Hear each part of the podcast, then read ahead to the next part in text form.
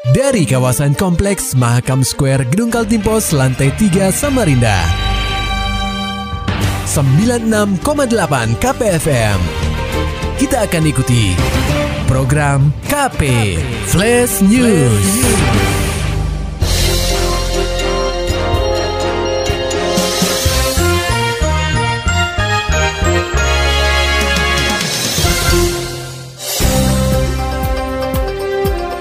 Anda sedang menyimak program KP Flash News bersama saya Agung Pratama.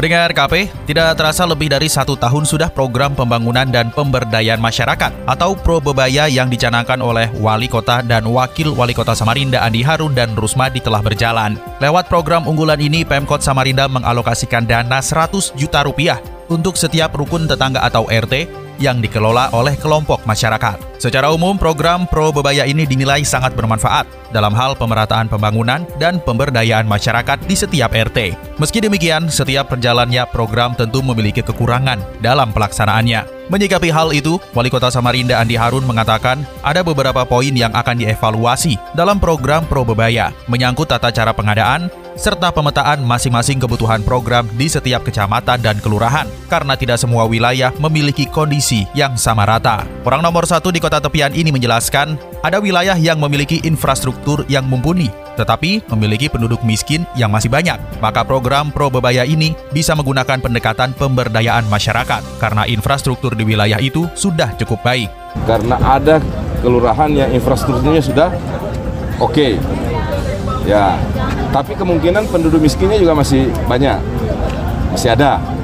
Nah ini pendekatannya beda. Berarti kalau di sini karena infrastrukturnya sudah relatif lengkap, maka pemberdayaan masyarakatnya akan jauh lebih in, apa intens menjadi tekanan, tekankan. Tapi pada daerah-daerah pinggiran yang infrastrukturnya masih sangat terbatas, maka infrastruktur menjadi sesuatu yang lebih prioritas untuk didahulukan. Jika melihat respon masyarakat, Andi Harun mengklaim bahwa program Pro Bebaya ini mendapat respon yang baik dari masyarakat karena mereka merasa terbantu dengan program ini. Meski demikian, evaluasi tetap harus dilakukan agar program Pro Bebaya bisa berjalan lebih baik pada tahun-tahun mendatang.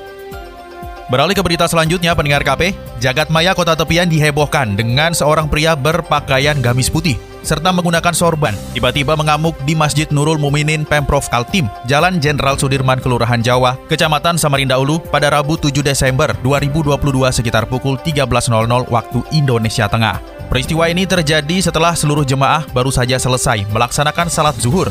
Dalam video berdurasi 42 detik yang tersebar di media sosial, terlihat bahwa pria misterius itu telah dikepung oleh para jemaah karena mencoba merebut mikrofon imam masjid. Ketika diamankan, pria itu melontarkan perkataan yang melantur sembari berteriak, sehingga para jemaah membawanya keluar masjid agar tidak mengganggu masyarakat lain yang sedang sholat. Beberapa saat berselang, pria tersebut dibawa ke Polsek Samarinda Ulu untuk dimintai keterangan, serta memanggil keluarga dari yang bersangkutan. Kapolsek Samarinda Ulu, Kompol Kustiana menerangkan, ketika kejadian, pria yang diketahui berinisial FN ini tiba-tiba maju ke depan dan mencoba merebut mikrofon yang digunakan oleh imam masjid.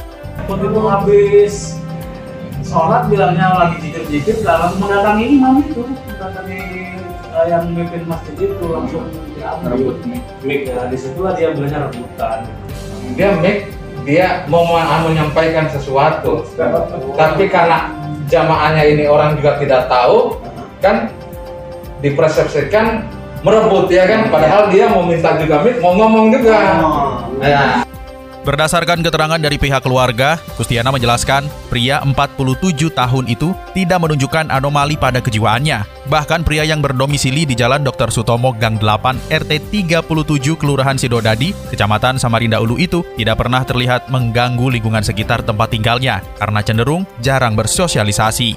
Walau pihak keluarga mengatakan demikian, tetapi pihak kepolisian akan mengambil langkah observasi kondisi kejiwaan pria tersebut untuk mengetahui mengapa dia mencoba merebut mikrofon imam masjid. Intinya, yang jelas bahwa selama ini yang bersangkutan itu baik-baik saja di lingkungan ya, gitu, tidak pernah mengganggu.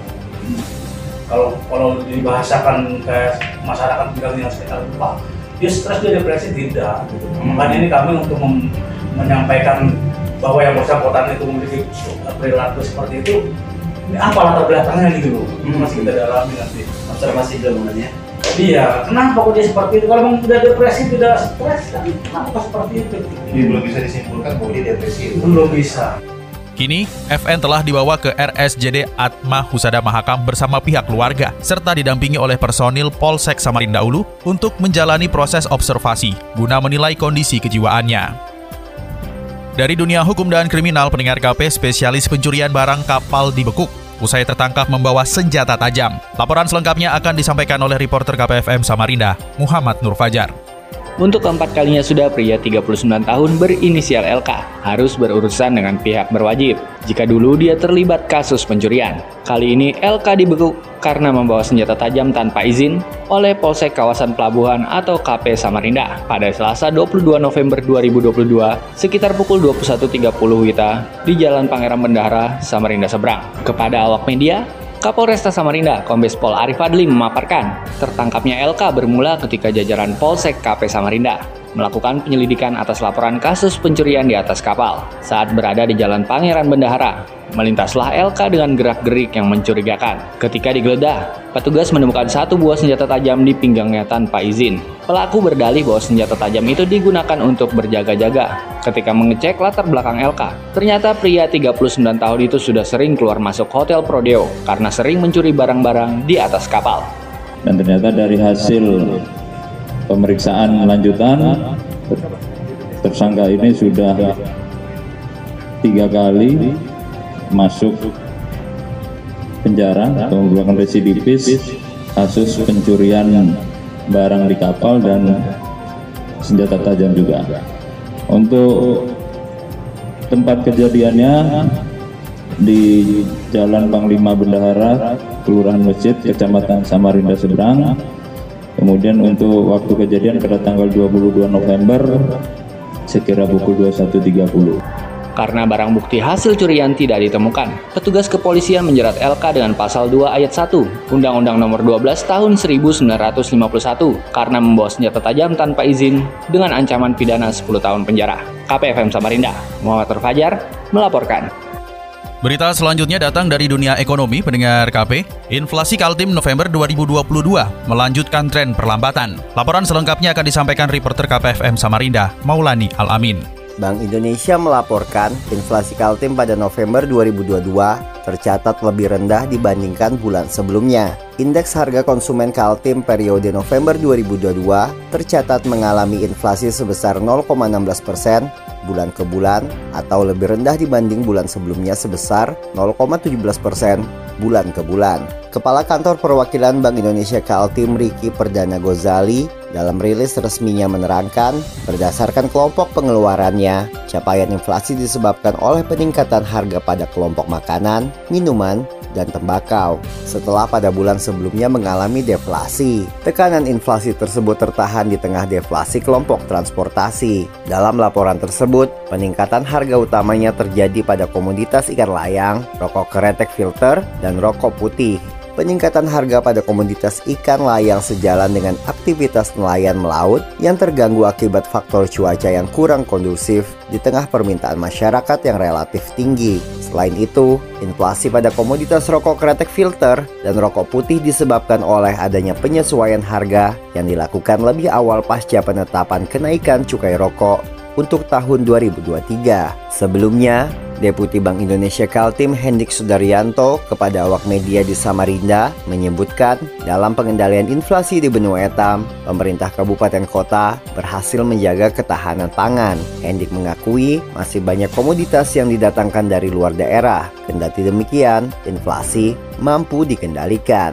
Makanya Presiden juga ya sudah melakukan tugas Presiden juga terkait dengan pangan ya. E, dibentuk juga dalam rangkaian ITPID itu Gerakan Nasional Pengendalian Inflasi Pangan. Ini memberikan ekspektasi positif bagi masyarakat bahwa pemerintah ada untuk penyediaan e, apa namanya pangan tadi. Tidak harus memproduksi sendiri. Dalam rangka menjaga keterjangkauan harga, telah dilakukan berbagai kegiatan pasar murah yang dilakukan di berbagai kabupaten kota di Kaltim secara berkala. KPFM Samarinda, Maulani Alamin melaporkan. Maulani Alamin, Muhammad Nur Fajar, KPFM Samarinda. Serta dapatkan berita-berita selengkapnya di www.968kpfm.co.id. Demikian tadi telah kita simak rangkaian berita-berita yang terangkum dalam program KP Flash News. Persembahan dari 96,8 KPFM. Terima kasih dan sampai jumpa.